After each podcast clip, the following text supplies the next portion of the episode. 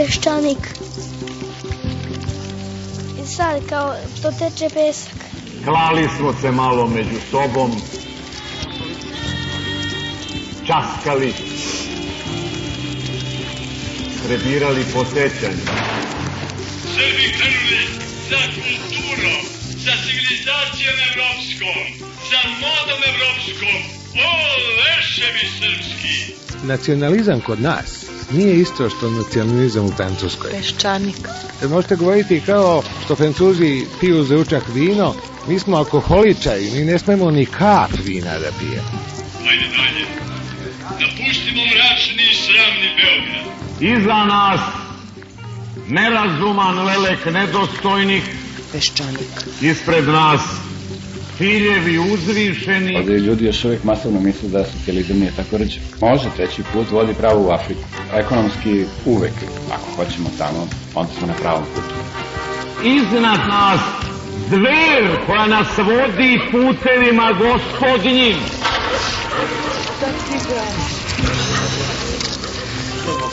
I da ne zatvorim oči. Peščanik. Ja mogu da zamislim Srbiju kao najdinamičniju zemlju na Balkanu i jednu košnicu sa malo trutova i puno radilica. Ako ne uspemo, niko nam neće biti kriv. I dugo smo, dugo još putovali. Dakle, mi smo izgubili 5. oktobar, da tako kažem. Nepredviđen.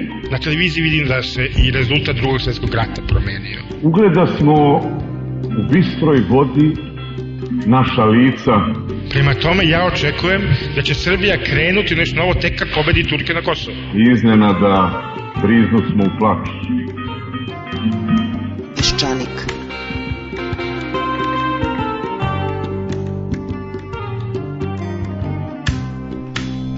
Dobar dan. Da je mladi Hitler uspeo da upiše likovnu akademiju, ne bi bio tako ljut diktator, a svet bi vjerovatno bio bolje mesto za život, na primjer ne bi bilo Evropske unije. Da je Nikolaj Velimirović upisao, kao što je hteo, vojnu školu, možda ne bismo izgubili silne ratove i ne bismo morali da gledamo patrijarha Pavla kako se jutro spravda Svetom Savi, što je revidirao svoj dugogodišnji stav i svojim glasom u saboru omogućio da Nikolaj postane 87. svetac Srpske pravoslavne crkve. Dok ste vi, bezbožni Beogradčići, što ono kaže vladika Atanasije, sinoć trčali za kulturom, što ono kaže Ava Justin, i uživali u vatrometu na otvaranju Jugoslovenskog dramskog pozorišta, nas dve smo, pune zavisti, tabirale do kasnu noć lik i delo svetog vladike. Naš zaključak je da, ako može Nikolaj, možemo i nas dve. Evo delit ćemo 88. mesto u kalendaru, Svetlana and Svetlana, kao Ćirilo i Metodije, da se ne troše crvena slova i štede neradni dani. Inače, 88 broj je broj nabijen značenjem, kao 88 stabala za druga Tita. Nepogrešivost odluka crkvenog sabora garantuje duh sveti, koga vladike zazivaju pre svakog zasedanja. Pre jednoglasne odluke o izboru vladike Nikolaja za sveca glasao je verovatno i Pahomije, duh sveti se ili nije odazvao ili su vladike sedele na ušima. Čućete sada kako brane neodbranjivo četvoricu vladika Nikolajevaca, Amfilohija, Lavrentija, Artemija i Atanasija. Govorit će i istoričarka Radmila Radić, u srpskoj strani rata objavila je tekst Crkva i srpsko pitanje, čućete Mirka Đorđevića, kome je upravo izašla knjiga Srpska konzervativna misao, a besedit će pomalo i sam Sveti Nikolaj.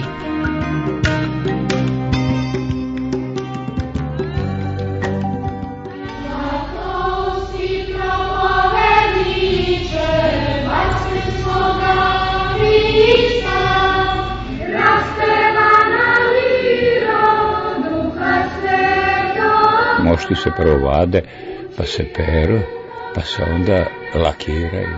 To je jedna čitava radnja, ali nećemo te nekrofilma mnogo.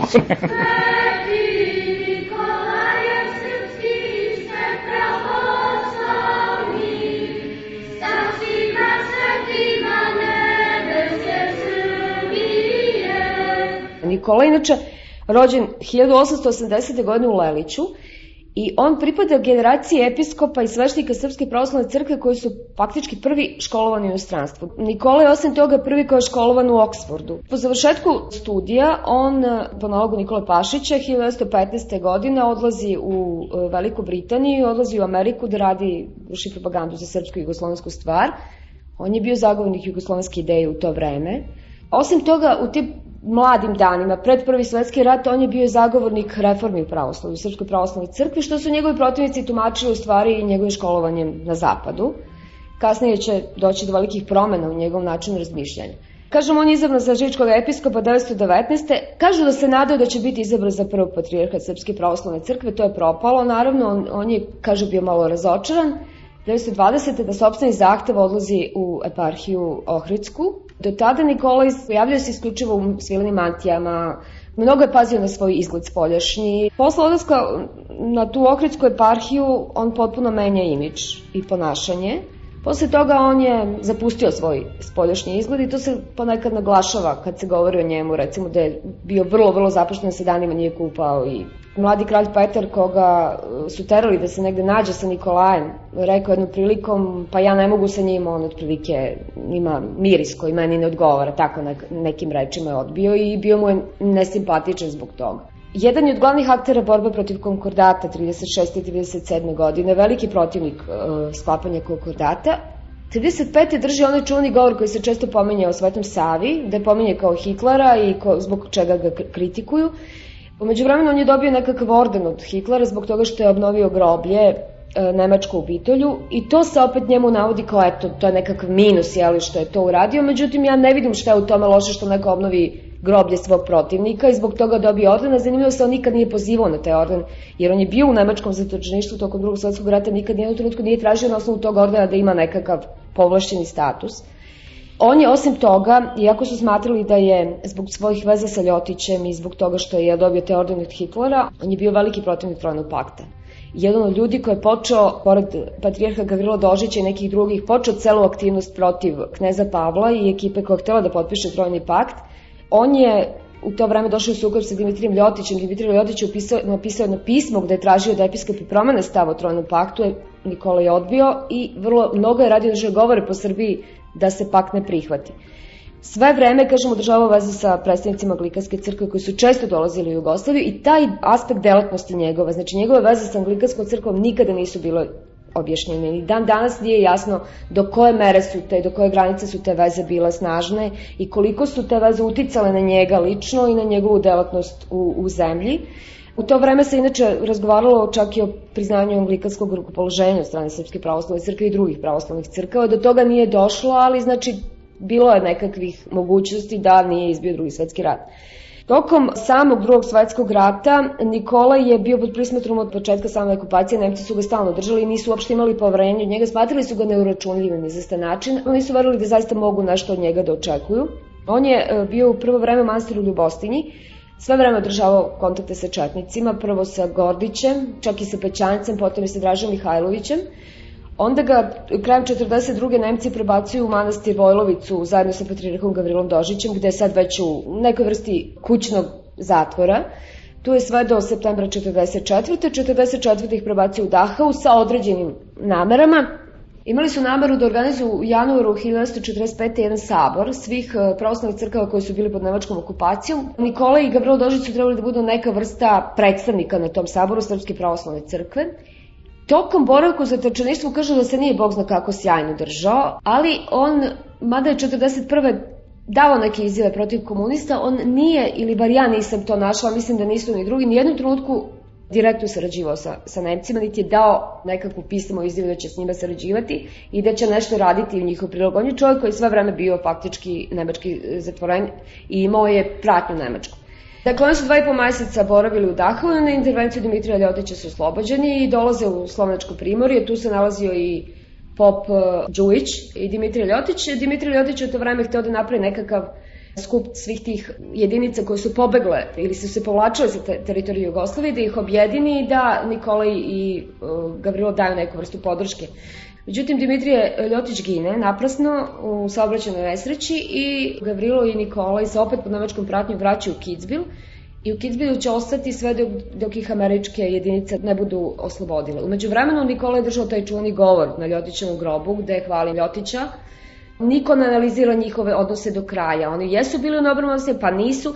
Koliko god je Ljotić bio vrlo naklonjen Nemcima, saradnik, jeli, e, nemački, U tom periodu, dok je Nikola bio u zatočeništvu i Gavrilo, Ljotić je dolazio da ih obilazi u zatvora, a onda je o tome slao izvešte Nemcima. Nikola za to verovatno nije znao. Neverovatno sam sigurna za to nije znao. Ali s druge strane, preko Ljotića su išla neka pisma koje su Gavrilo i Nikole slali u Carigrad, preko nekih Ljotićevih ljudi i tako dalje. Tako da to su te neke obaveštene stvari koje su uvek i ovakve i onakve i često ne možete sasvim jasno da proniknete u to šta se zaista među njima dešavalo, ali je činjenica da nisu bili baš u dobrim odnosima tokom samog rata, a eto Nikola ipak na kraju rata drži vrlo pohvalan govor na njegovim odru. I napokon ako hoćete imamo Ljotićevcu i Korostasu Srba svetitelja ne kažem ja to ovo iz neke političke malicioznosti, nego Vladika Žički je bio do poslednjeg dana, do maja meseca 1945. godine, gorljivi pristalici sledbenik Dimitrija Ljotića, za koga se ipak, kako god hoćete, ne može dokazati da nije bio Quisling, On je ne samo održao govor na sahrani Ljotiću kada je poginuo, gde ga je uporedio sa naj, proglasio za najvećeg Srbina, nego je toga dana spevao jednu himnu Ljotiću kao svetitelju, koja je objavljena, ta himna Ljotiću, prva njena strofa glasi Dimitrije, mudri dobrovoljče, što molitvom nebesa otvaraš, i tako dalje, i tako dalje, da bome tipičan akatis, tipična himna ovaj trenutak nije slučajno izabran, znate. Iako se pripreme, da tako kažem, osjećaju već poslednjih deseta godina, ne više. Jer u našoj crkvi do sada i do nedavno bilo je vrlo velikog opreza kada je reč o kanonizaciji Nikolaja, pa 1967. godine naša crkva, to je vreme Petrarka Germana, jednu takvu inicijativu odbila. Sad se čak požurilo, navrat nano se radilo, i objašnjenja ima više, glavno jedno je objašnjenje recimo političke prirode, sve su kanonizacija često u znaku određenog političkog trenutka. I ova kanonizacija na svoj način i označava neku vrstu konsolidacije konzervativnih snaga nakon e, ovog vanrednog stanja i svega što nam se desilo, žurilo se da se te snage prepoznaju, konsoliduju na jednom višem nivou da se javnosti šire pošalje jedan signal, evo stubova na kojima ćemo graditi našu, to oni kažu duhovnost. Sada će nam se obratiti njegovo presveštenstvo vladika Raško-Prizrenski gospodin Artemije, pisac prvog žitija svetog vladike Nikolaja, preosjećen izvolite. Još od malih nogu slušao sam za vladiku Nikolaja, putovao sam stazama kojima je on putovao, igrao se po poljima po kojima je i on trčkarao, čitao sam njegove knjige, njegove besede, počeš sa prvim sricanjem reči, ali ono što je na mene najviše utisak ostavilo, to su njegova misionarska pisma, tri stotine na broju. Odavno sam došao do zaključka da je svaki odgovor vladike Nikolaja u misionarskim pisima odgovor duha svetoga, jer svaki drugčiji odgovor od onoga koji je sveti vladika dao ne bi bio pravi odgovor i ne bi bio izraz pravoslavne hrišćanske vere. Kroz tamnički prozor u ime čega su se sinovi srpski bili odrekli spasitelja, u ime one ništarije što se naziva kulturom, kao da je kultura nešto drugo do hvalisanja ljudi svojim delima. I to neće biti nikakvo čudo ako crkva propiše molitvu protiv kulture kao zbira svih zala, jer kad ima molitvu protiv gordosti i protiv mržnje i divljaštva i bezboštva i krivoverstva i nasilja i grabeži i svakoga bogohulstva i svakoga nečoveštva, zašto ne bi imala molitvu protiv kulture kao zbira svih tih zala? Ne samo da bi takva molitva bila opravdana i potrebna, nego mislimo da bi trebalo odrediti jedan državni molitveni dan u godini, kada će se sav narod sa svojim starešinama moliti Bogu i gospodu da ga spase od kulture. Ta su pravila vrlo stroga jedan od glavnih uslova po Milašu je da telo umrlog, ovoga puta vladike Nikolaja, posle smrti pokaže znake svetiteljstva, netruležnost, neraspadljivost, miro, miris i tako dalje. Za sad nikakva komisija nije konstatovala te činjenice. Dakle, uslovi su vrlo strogi, a svode se na to da svetitelj mora da bude čovek koji je besprekoran u svom ličnom i javnom životu i koji je najčešće to uslov i tako najčešće bio svojim mučeništvom, životom potvrdio svoje istine, što ovde nije, nije slučaj. Što se kalendara tiče u koji se unosi svetitelj, određuje mu se dan i služba mu se služi toga dana. Vladika Velibirović je dobio dva dana. Međutim, u kalendaru hrišćanskom, pa i u kalendaru naše crkve, je pravi haos. I to nije od danas i nije od juče. Godine 1774. naša crkva je, to je u Habsburgskoj monarhiji onda bilo, drugde nije bilo, izbrisala iz kalendara ravno 36 Srba svetitelja, za koje su utvrdilo da ni po čemu ne ispunjavaju ni jedan od ovih uslova, ali je još uvek ostalo dosta, primjera radi, svi su srednjevekovni vladari, carevi, kraljevi, arhijepiskopi, po nekom automatizmu proglašeni za svece, pa ćete često čuti, pročitati, kad čitate crkvenu štampu, jednu sintagmu koja glasi svetorodna loza Nemanjića. Međutim, dovoljno je da otvorite ne, ako nemate vremena Ćorovića, Ruvarca, istoriju srpskog naroda, izdanje srpske književne zadruge, nego pristojniju istoriju za srednje škole, pa ćete videti da je u većini slučaja među tim svetelja reč o oceubicama, sinoubicama, razbojnicima, pedofilima, sveti i kralj Milutin. Ko sve nije svet od njih, u nekim hrišćanskim crkvama kalendar je prečišćavan više puta. Ruska crkva odbija da kanonizuje cara poslednjeg Romanova, iako nekih elemenata ima čak, vrlo opredu u tom pogledu. Tako da završim s tim, ovoga puta se zaista to nekako požurilo. Ponovo će se Gavrilo, Patriarh Gavrilo Nikoli naći u Londonu 45. na krštenju, jesen 45. na krštenju prestonaslednika Aleksandra. Gavrilo Dožić e, će se vratiti u zemlju krajem 46. godine na čelo crkve, a Nikola će boraviti nešto malo u Engleskoj, pa onda u Americi, dolazit će u nekoliko navrata ponovo u Englesku, nije nikad pristao da se vrati u zemlju. 51. godine u septembru mesecu mu je oduzeto državljanstvo, U to vreme prekidaju se na izvestan način odnose između anglikanske crkve i srpske pravoslavne crkve, zbog toga što naravno Srpska pravoslavna crkva apsolutnom kontrolom, zna se šta se dešava u njoj, postoje prislušni uleđaj i kažu prvi koji su došli u Beograd bili su tamo postavljeni u Patrijaršiji još 48. godine, zna se šta se dešava, ali Anglikanska crkva predlaže čak e, da se Nikola jedni posebnim ordenom nagradi i Patrijarh Vikent je 52. godine to otprilike odbija na jedan lep način, kaže vi znate da ćemo vi zbog toga imati problema, nemojte to da radite, ali Nikola je i dalje vrlo, vrlo cenjen u Engleskoj. 56. je umro u Americi, bio sakranjen u, pored manastira Svetog Save u Libertvilu, 91. godine je pranet u zemlju. Ja sam posle toga, 93. ili 4. našao jedan tekst gde se govori kako njegov grob, kad je već pranet, bio zapušten. Ta priča o njemu ciklično izbija na površinu pa se povuče, pa onda ponovo iz nekakvog razloga to dođe u prvi plan. Ja nisam videla taj njegov dosije koji se danas čuva, obećali su da će otvoriti sada ta dosije između ostalog i njegov. Znam da su neki novinari imali pristupa tom, tom dosijeju, da se pisali, mislim da je Duga pisala negde 80. godina, Milomir Marić jedan tekst objavio Nikolaju, I to su tekstovi koji ga prikazuju u nekakvom negativnom svetlu. Ali opet treba posmatrati u konstelaciji tadašnjih prilika u zemlji. Znači, u svetovnim knjigama i časopisima on je negativna ličnost, u crkvenima je pozitivna, a nemamo ništa između. Sam patrijarh bio je u početku veoma oprezan.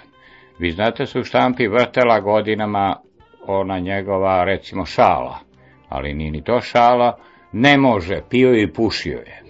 Ja mislim da su motivi političke prirode Vladike Velibirović bio istaknuta politička ličnost. I on se u pogledu svojih političkih opcija kolebao Obično kažu, bio je od početka do kraja ostrašćeni i ubeđeni antikomunista i to je stvar njegovih ubeđenja i to bi moglo da prođi.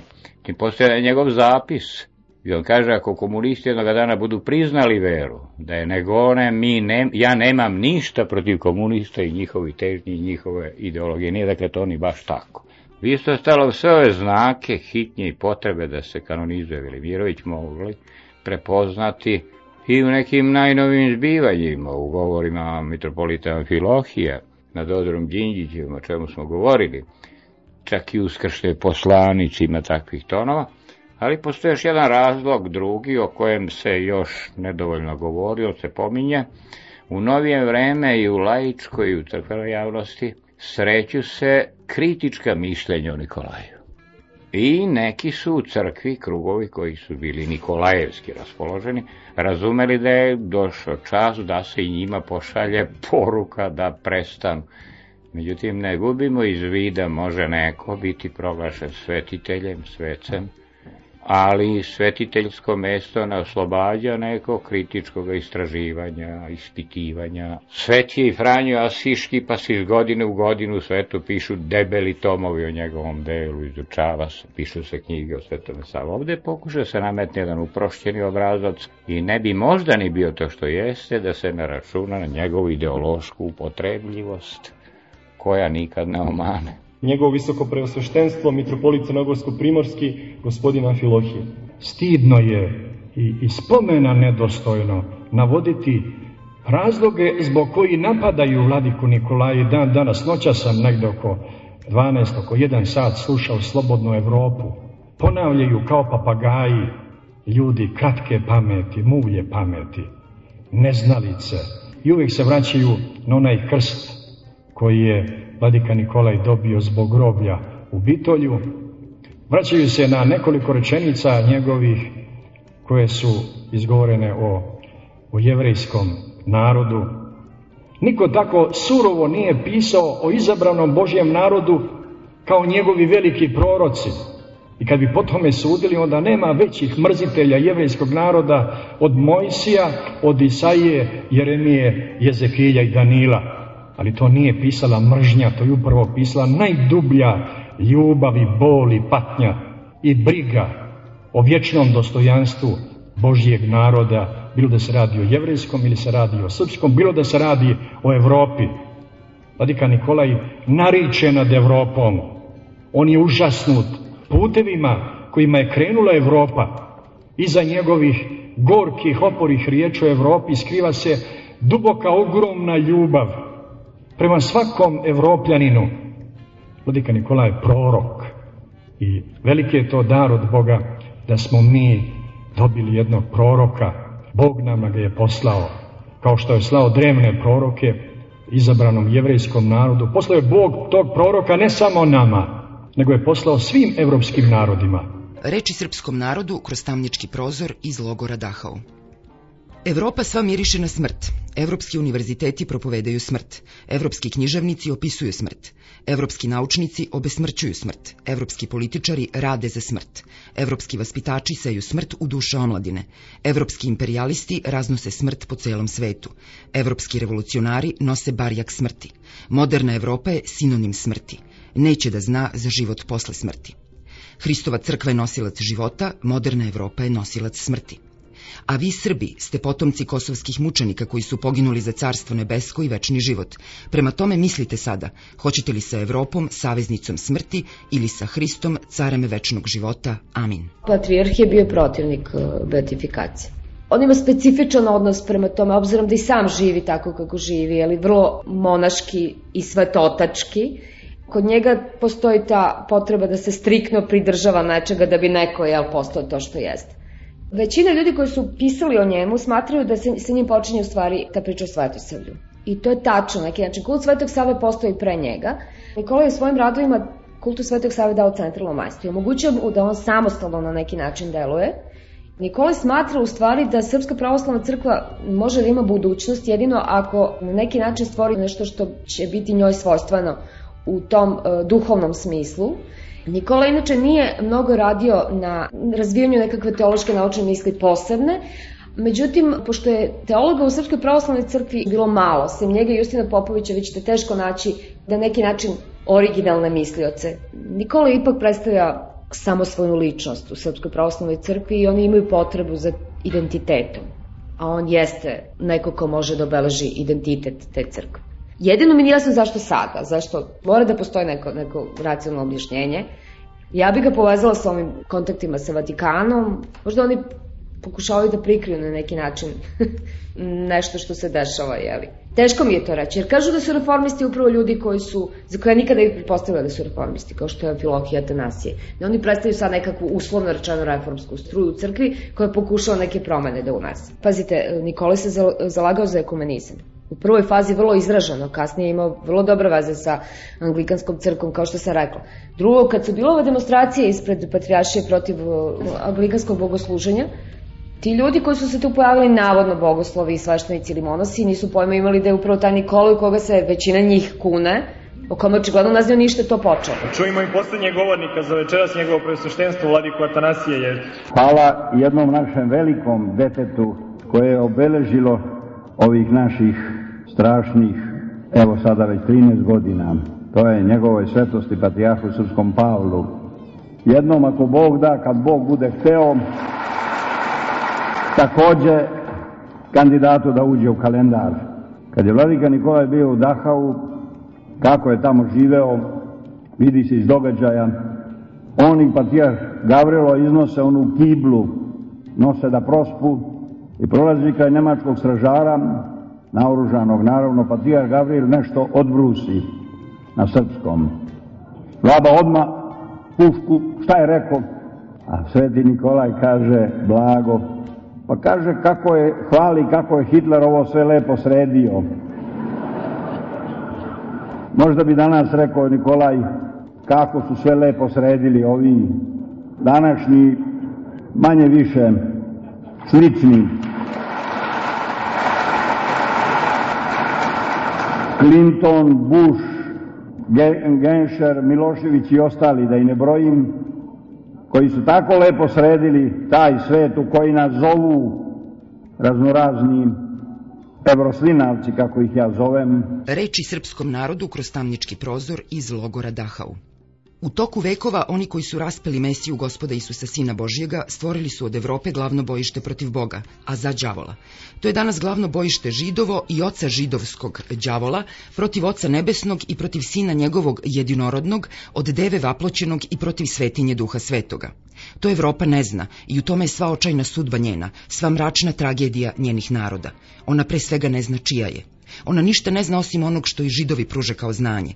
Ona ništa ne veruje osim onog što i židovi zapovede da veruje. Njeni najučeniji sinovi su bezbožnici, ateisti, po receptu židova.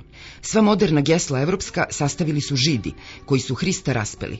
I demokratiju, i štrajkove, i socijalizam, i ateizam, i toleranciju svih vera, i pacifizam, i sveopštu revoluciju, i kapitalizam, i komunizam. Sve su to izumi židova, odnosno oca njihova đavola. O tome treba da mislite, braćo Srbi, da se ne nađete kao sinovi satanski. Neka vam je Hristos u pomoći. Amin. On je 35. uputio takve pohvale Hitleru u predavanju na Kolarčevom univerzitetu kakve mu, ja ovo sigurno tvrdim, malo komu je uputio za životovodje Rajha. Poredio ga je sa Svetim Savom, pričemu je Hitler ispao veći od Svetog Save, jer je navodno tek on danas razume veliku ideju Svetog Save, a to je nekakav hrišćanski racionalizam. Kasnije se u nekim izjavama on ograđivao od Hitlera, ali bilo je kasno. Uzmite drugi primjer. 27. marta, što je jedan prelomni datum u našoj istoriji, on se vrlo brzo preorijentisao i dao je podršku pučistima. Pa je počeo da važi za engleskog čoveka, znate. I iz tih razloga su ga Nemci i internirali 41. godine, kratko on bio kasnije u Dachau, vrlo kratko bio, ni o kakvom se tu mučeniku ne radi, imao je status e, posebnih osoba, nikakvoj torturi nije bio izložen, ali na kraju najčudnije kad smo kod toga, ta njegova najčudnija knjiga koja danas sve zvunje, to možete kupiti svuda, kroz tamnički prozor, poruka Srbima iz logora Dachau sadrži takve izlive protiv jevreja da je prosto objašnjivo da njemu nije bilo poznato stradanje jevreja u drugog svetskog rata. Stradanje jevreja u Srbiji, dok se svi ti, sve te okolnosti ne ispitaju, ja ostajem kod toga rano je hitati sa svetiteljskim oraolom. Nacionalizam Svetog Save obuhvata narodnu crkvu, narodnu dinastiju, narodnu državu, narodnu prosvetu, narodnu kulturu i narodnu odbranu. Njegov centar čini narodna crkva koja je kao duh koji oživljava ceo narodni organizam. Nacionalizam je srpski najstariji u Evropi. Stariji je 600 godina od evropskog. Ali ne samo da je najstariji, već je i savršeniji, jer je evanđelski i organski. Evropski nacionalizam rođen je u buntu i u očajanju, dok je svetosavski nacionalizam započet i ostvaren u tišini i radosti stvaranja. Najzad se Evropa umorila od strašnih i stoletnih borbi i napora i u toj zamorenosti mnogi njeni sinovi digli su ruke sasvim ne samo od crkve, nego i od vere hrišćanske.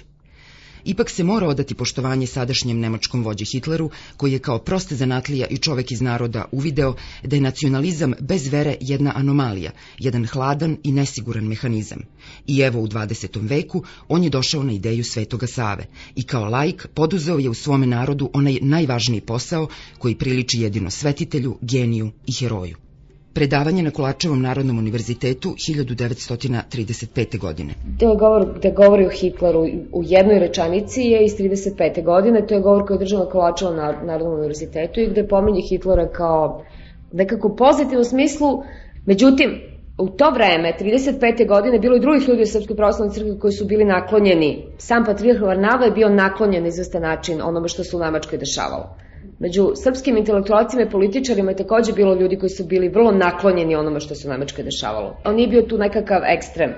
E sada naravno možemo kažemo da je bio fašista, ali nije bio fašista prosto jer onda ne bi onako postupao kako je postupao 38. 39. ili 41. godine da je bio sklon fašizmu. Crnjanski je bio recimo vrlo naklonjen fašizmu. Sijaset drugih ljudi je mislilo slično o Hitleru, a da je kasnije recimo mislilo sasvim, sasvim nešto drugo.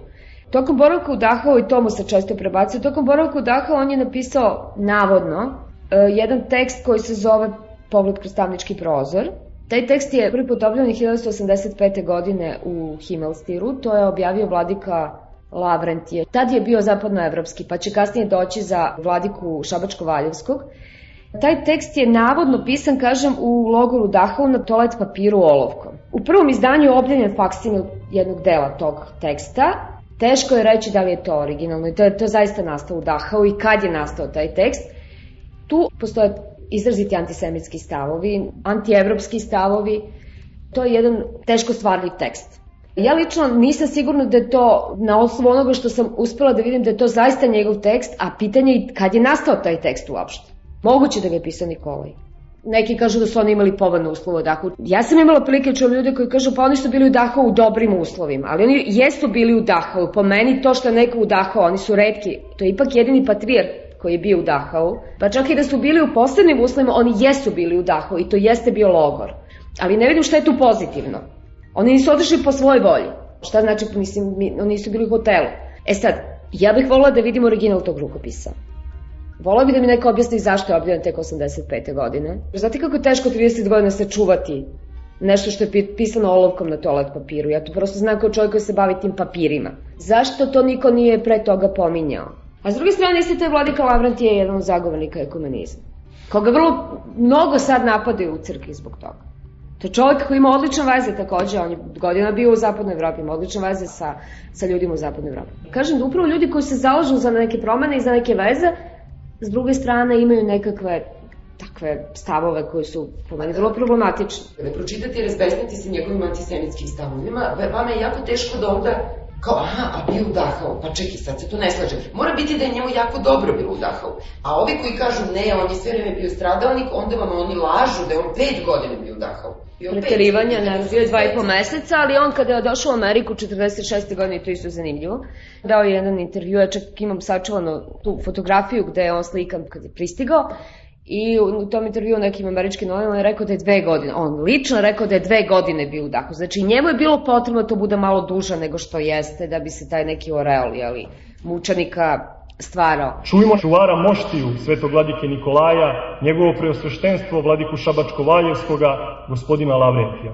Ja sam voleo vladiko Nikolaja, ali nažalost nisam stigao da ga čitam. Meni je crkva davala samo neke obaveze praktične prirode. Voleo sam knjigu, voleo je ko, ko, ko, ko najslađe nešto u svijetu, a što sam više voleo, ona su više bežala ispred mene. Ja sad kad bi se vratio u bogosloviju, činim se, ne bi drugi raz bogoslovije mogao položiti. Zaboravio sam teoriju, ali ako me pitate, iz praktičnih nekih primjera, što se tiče štamparije, vodio sam je u Nemačkoj i sva djela Vladike Nikolaja, veliki deo ja sam rukama svojim složio. Počnemo uveče u 9 sati i završimo ujutru u 10 sati. Radili smo sa ljubavlju od srca i zaista smo svi osjećali prisustvo vladike među nama.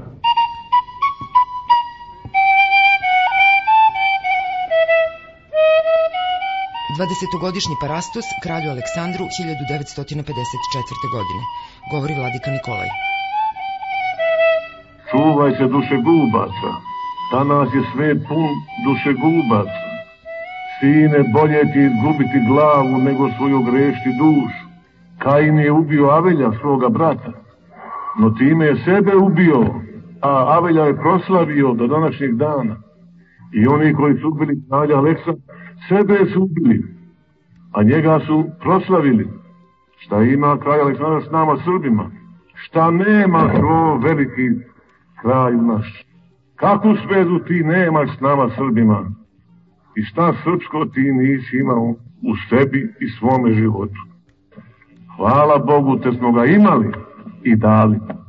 Poželili bi drugi narodi da su ga imali, pa dali, ali nisu. Ako bi crkva celu stvar postavila u svom domenu, da tako kažemo, onda bi čovjek mogao da kaže to je u redu, bit će on to onima koji hoće to. Ja se bojim da se to ovde ne prelomi, da ga neko, to se podavna čini, ne ponudi kao formulu za sve naše probleme. Vi znate da o njemu njegovi obožavaoci sa zvučima akademskim titulama šire da je to novi zlatoust zašto nekih dokaza nema.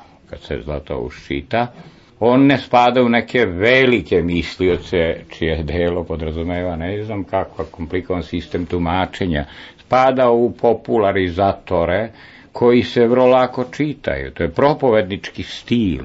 Mi nismo imali ni manjeg pisca i mislioca, ni veće kontroverze oko njega.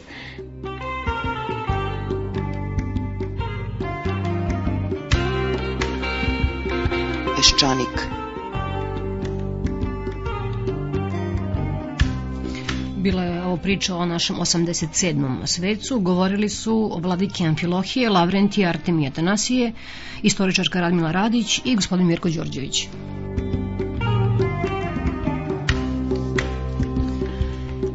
Ekonomista Miroslav Prokopijević ima jedno test pitanje za naše studente. Šta je bolje, zavist ili pohlepa? Većina kaže da je bolja zavist, e, onda Prokopjević zna da su oni za socijalizam. Dok nam pohlepa ne bude blizu srca, nema ulaska u Evropu.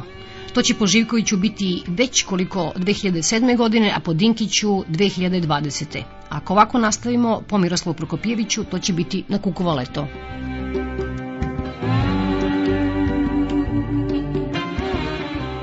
Šta nama tu u celoj stvari predstoji? Prosto da vidimo evo koliko nam vremenski treba. Znači da se uradi feasibility study kojom oni ocenjuju da li imamo elementarnu podobnost da počnu da nas pripremaju za nekakav status buduće kandidata. Pošto u slučaju Hrvatske ili Bugarske je to trajalo šest ili sedam godina, krajnje je nerealistično očekivati da će u našem trajati kraće. Znači, u najboljem slučaju to možda počne da teče na sporazum o stabilizaciji i asocijaciji negde od 2004. I šest godina na to, to je 2010. I onda na to isto tako treba dodati period od šest ili sedam godina gde smo mi kandidat za ulazak. Znači, to je 2016. To je, to je najranije kad mi možemo da uđemo u Evropsku uniju. E, naravno, ako budemo radili ovako kao što sada radimo, nećemo ući nikada. Nikakvih tu opraštanja neće biti zahtevi da se popunjava budžet koji je ovde u katastrofalnoj situaciji, jer po vladinom tvrđenju 750 miliona evra u minusu, Evropska unija rekla da će dati još 60 i neki miliona evra, to je 12. deo te sume. Prema tome, kad prevedete brojke na realnost, onda shvatite šta to otprilike znači. Mi od realnih reformi nešto malo je urađeno. Znači, To je krenulo u pravcu liberalizacije, ali to je krenulo, otprilike ako gledate od 0 do 100 odsto, to je krenulo negde u raznim oblastima između 3 i 7 odsto.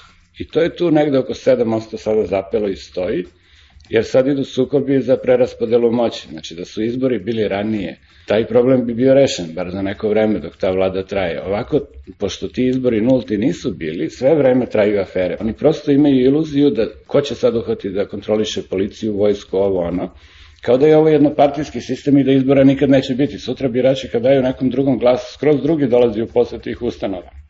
Tako da, na neki način, ovi sukobi imaju sam gubljenja vremena i jedan karakter totalne iracionalnosti. I ne treba imati iluziju da Evropska unija nije obaveštena šta se tu radi. Oni jedino imaju problem sa nama šta god urade. Znači, ako nas ostave po strani, to smo pokazali, mi napravimo cirkus i onda oni imaju izbeglice, smetnje u komunikaciji, u trgovini. Znači, oni su odlučili da to više ne rade, da nas ne ostavljaju same. Međutim, kad počnu se bave nama, ono što doživljavaju, to je strašna frustracija ali to je cena prosto od toga da su oni na neki način prisutni. I verovatno kad ne bi bili prisutni, mi bi radili još luđe stvari nego što sada radimo.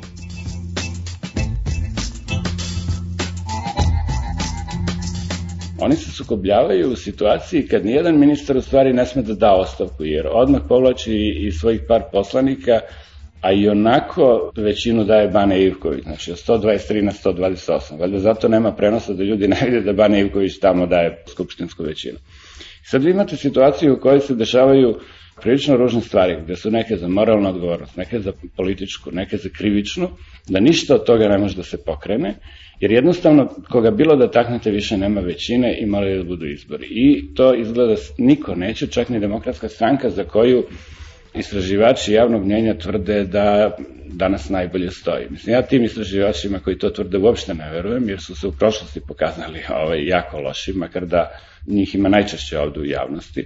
Ja više verujem nekim ljudima koji su pokazali najbolje rezultate kao Ljena Bačević ili kao argument. Međutim, ti majstori neće da naruče od njih ove istraživanje, jer bi se onda videlo u čemu je stvar. Dakle, sad imate ređenje afere i cela stvar neverovatno podsjeća na zadnje mesece ili nedelje Miloševićevog režima, gde je bilo jasno da niko ne može da ode pojedinačno zbog ovog ili onog, nego samo cela ekipa. Dakle, došli su kao ekipa celi i celi će da odu. Naravno, tome čovek ne može da se veseli nešto strašno mnogo, jer ovi koji čekaju da bi došli na vlast, e, ništa nisu bolji od njih. Nemojte verovati da će Koštuničina ekipa koju izvode sada na teren biti bitno bolja od one. Dakle, gledat ćemo opet Obrane Joksimovića i tako komične likove.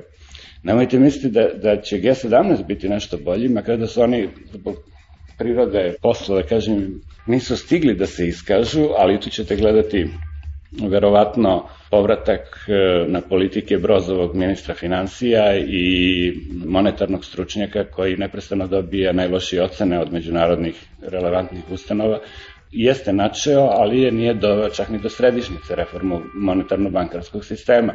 Dakle, niti će biti rezultati bolji te ekipe, prosto ovi će biti toliko opterećeni aferama da neće moći da se održe. A onda ćemo videti šta će biti posle toga, jer u ovoj ekipi koja sada ode, mnogi više nikad neće se vratiti na političku scenu. Ni van demokratske stranke, a verovatno ni unutar demokratske stranke. I demokratsku stranku, meni se čini, čeka sudbina jer će ona moralno i politički biti najopterećenija celom ovom stvari, sudbina SPS-a, ja mislim. Kad oni počnu da se raspadaju, kraja neće biti. Niti će pak bez ozbiljne rekonstrukcije moći da se vrati na vlast. Jer imate fenomen ovde da ko jednom bude na vlasti ne može da dođe ponovo, jer se toliko iskompromituje, hvala Bogu, to čuva nas od radikala i socijalista sada. Mislim, to nije tako rđava stvar. Ali za stranku je to jako bitno, jer ona znači mora kompletno da se redefiniše da bi mogla da se ponovo lansira na političkoj sceni.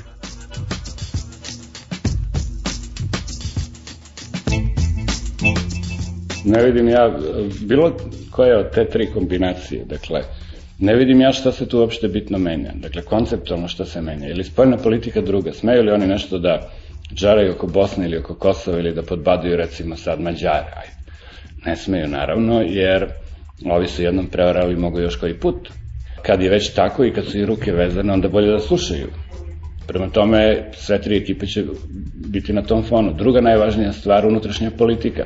Svakom od njih odgovara da izvršna vlast ima uticaj na sudstvo, da ga drži u šaci. Svakom od njih odgovara da drži parlament, legislativnu vlast u šaci. Kad je u pitanju ekonomija, svi imaju etatistički koncept na ovaj ili onaj način. S tim što recimo u G17 imate liniju internacionalnog internacionalne finanske kooperativnosti kako zastupa Labus, imate poziciju nacionalizma kako zastupa Dinkić. Ja.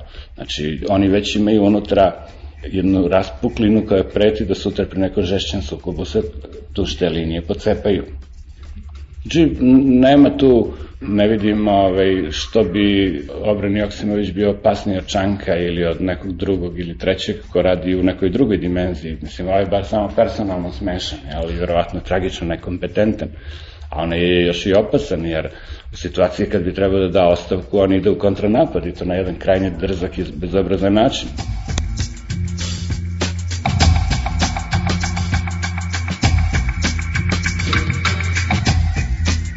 Oni kažu, svi koji imaju imovinu veće od 20 miliona dinara, treba da je prijave i da dokažu odakle im. To je pogrešno.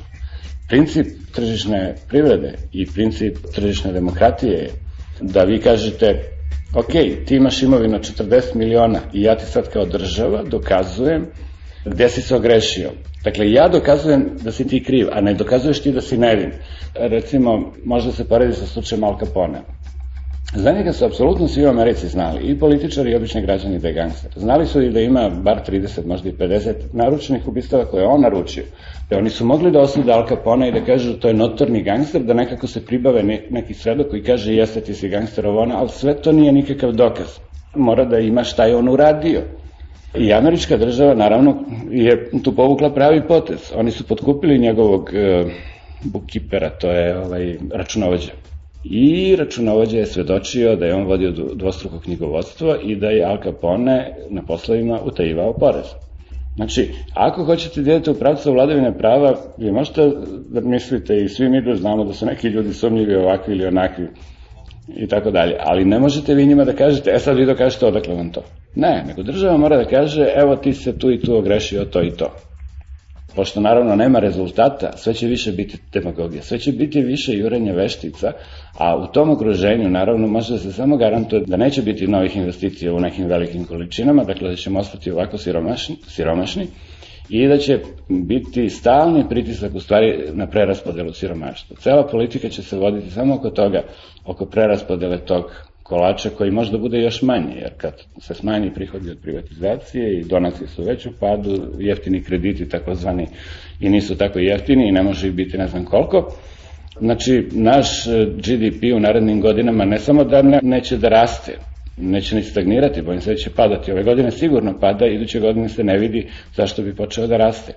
Jer one stvari koje bi trebalo da dovedu do njegovog rasta, a to je reforma ustanova, pravljenje pravila koja postiču ljude da prave novac, a ne da jedu novac, kakva je naša privreda.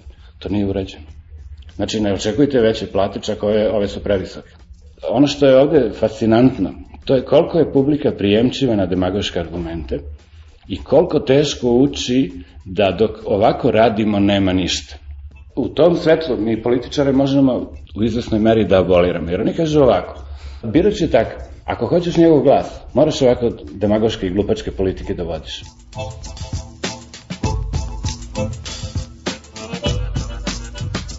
Mi sad pravimo ustav i ja uopšte ne vidim, ali bio sam na jedno dve rasprave, da se čak učesnici i oni koji pišu i znaju žektima, reč odgovornost ne pominju. Šta čini ustav kvalitetnim ili ne? To nije tamo da svi mi imamo prava i tako dalje, pa ne znam, da možemo se skupljamo. Ne, ključne odredbe u Ustavu su takozvani negative provisions, dakle negativne odredbe, one koje kažu šta vlast ne sme da radi. Da li, da li vlast sme da oporezuje recimo seljake da bi dala sad stručnicima za kompjutere? Ja mislim da ne sme, u normalnoj državi ne sme. Međutim, ako u Ustavu piše da su političari odgovorni za blagostanje pojedinaca, onda to znači da oni to, ove stvari mogu da rade. I to nije sistem ni koji je udoban za život, jeste dobar za političare, mogu za kratko da se obogate, ali za sve druge slojeve to nije dobro. Prosto, kad ne učimo na tuđim greškama, moramo da se naučimo na svojim. I to mi naučimo izgleda iz prve, nego nam treba tako malo, malo više. I, I mi moramo da shvatimo da je cena tog našeg sporog učenja to kako živimo. I da nećemo se toga rešiti, naravno, ako Sveti Petar donese svake godine po 20 milijardi dolara, to je super. Ali nešto nisam čuo meteorologa da pričaju o tome. Trenutna ekipa se silno veseli kad dobije kredit jer zna da ona neće otplaćivati. Nije napravljena situacija gde ćemo od 12 milijardi dolara društvenog proizvoda doći recimo na 20 ili 25 kroz nekoliko godina i usled toga će naravno postati problem otplate duga i već iduće godine to prelazi nekih, to iznosi nekih 560 miliona dolara 2006. da preskočim 2005. to iznosi nekih 750 miliona dolara, a 2009. verovali ne, i to po projekcijama MMF, ovo nisu moje računice ili nekog ovde ovako privatno ili improvizacije, dakle 2009. treba će da platimo 1,6 milijardi dolara. Pri čemu stepe naše zaduženosti sve ovo vreme, od 2002 do 2010. ostaje blizu 9 milijardi dolara. Znači, suma koju dugujemo ostaje ista iako tolike novce plaćamo. Ono što, što je meni žao je što kolega Đelić na neki način razmišlja protržišno. On je u Ministarstvu financija mogao mnoge stvari da pokrene i moje mišljenje, ne samo moje, nego generalno da je uz ministra spoljnih poslova ministar financija najvažniji resor i da je to praktično ako on drži konce kako valja, da je to ravno skoro premijerskom mestu. Međutim, to je bio jedan ako dosta etatistički, netržišni koncept i tu je nešto malo pokušano, nešto malo urađeno. Opterećenje poredska ostalo ogromno, skoro 60% ovde država troši. Neće niko da dođe da investira da mu država sutra dobiti uzme 60%. Zašto? Ima mesta koje su bolje. Ja strašno žalim prvo što je ova zemlja otišla u ovom pravcu. Mislim, žalim odavno. Prvo sa Miloševićem i tako dalje, ali nisam mogao da kažem, e dobro, ja sad žalim, pa ću ja sad stalno, kako seljaci kaže, nositi crninu. Ne, ja sam vidio kud to ide, vidim i danas kako izgleda scena i, i danas mi je žao, naravno, u nekom smislu, ali neću zbog toga da dobijem čir pokušao sam onda da aranžiram svoj život, da to nema uticaja, zato i toliko vremena provodim napolju, zato i, i gledam da se ovde što manje petljam u te stvari, jer nema poente ulaziti u igru, mada su neki prijatelji kaže, ajde, ajde malo da radiš ovde ili on, nema poente ulaziti u igru kad se igra po pravilima koje nemaju šansu da dobace ne do nekog valjanog bogzna, nego do minimalnog rezultata. Dakle, nisam ja fundamentalista, kažem, samo striktno tržišno, 100%, atestirano, pa onda. Ne ali dok ne dobaci do polovine, nema šta tu. Ja to vidim prosto kao na dlanu i ne mogu ja sad tu da kažem da će se desiti nešto kad ja to ne vidim, kad to budem vidio, je, bit će mi vrlo drago da kažem da će biti bolje.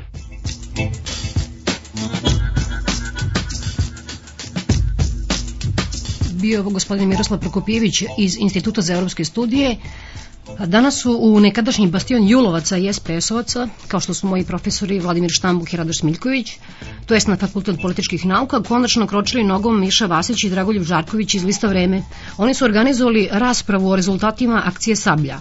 Na stepeništu su goste dočekali supruga i čeka Radita Bulatovića sa transparentima Oslobodite moga tatu i moga muža, a govornika Maršićanina je došlo da podrži sve što još diše u DSS-u, osim Koštunice, Predstavnik policije je, koji je takođe učestvovao na ovom skupu, iznao je impresivne podatke o tome koga je sve uhapsilo, privilo i zadržalo, a primjer u Senci Maršićan je to ovako prokomentarisao.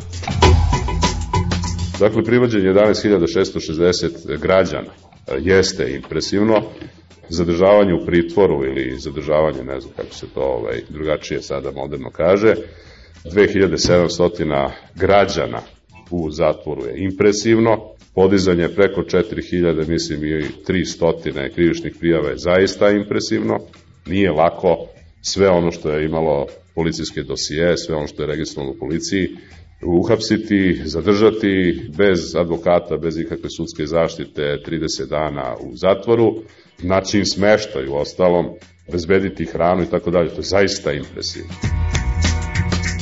Na bezbednoj udaljenosti od Maršićanina sedeo je i Šutanovac iz demokratske stranke koji se žalio na teško nasledđe, lošu opremu koju ima policija i tako dalje.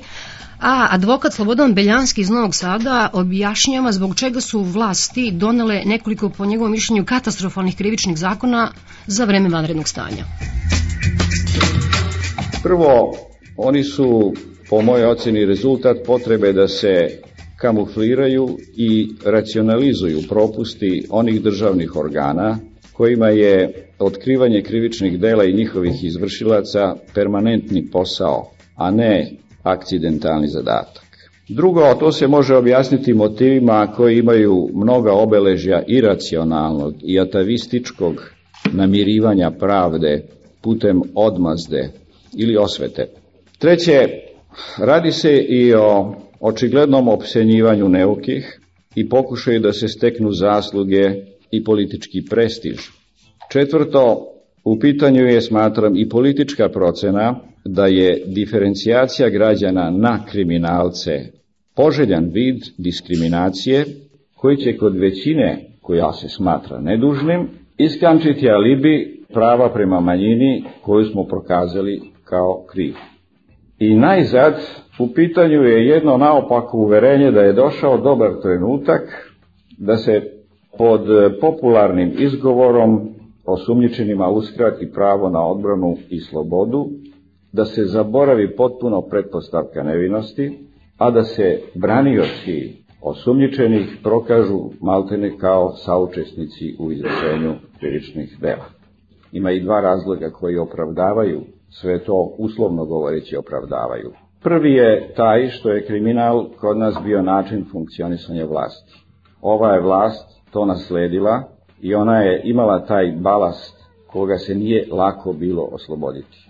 Šta je tu još što je doprinelo pojavi ovakvog kriminala i kasnom reagovanju na taj kriminal? A šta je izostalo? Izostao je početak oslobađanja od tog nasleđa i jasno distanciranje od bahatosti ratnih profitera i njihove bezbolne transformacije u uspešne privrednike. Zatim izostalo je distanciranje od ratnih zločinaca. Moram reći da sam nakon otkrivanja kriminalnih grupa najviše bio obradovan zapravo najavom početka te akcije, a to je demistifikacijom lažnih patriota. Najavljeno, prekinuto. Ja vam dugu jedno izvinjenje, sve vreme emisije sam grešila, nemamo 87 nego 78 svetaca, a kako smo se dve kandidovali, uporne smo da zauzmemo 88. mesto, evo ovom prilikom po hitnom postupku ubacujemo u kalendar svetaca Vladiku Amfilohija, Pahomija, Filareta, Atanasija, Dobricu Ćosića, Kusturicu, Caneta iz Party Breakersa i celu grupu Van Gogh. Biva Peščanik, a sada slede prave vesti. Peščanik.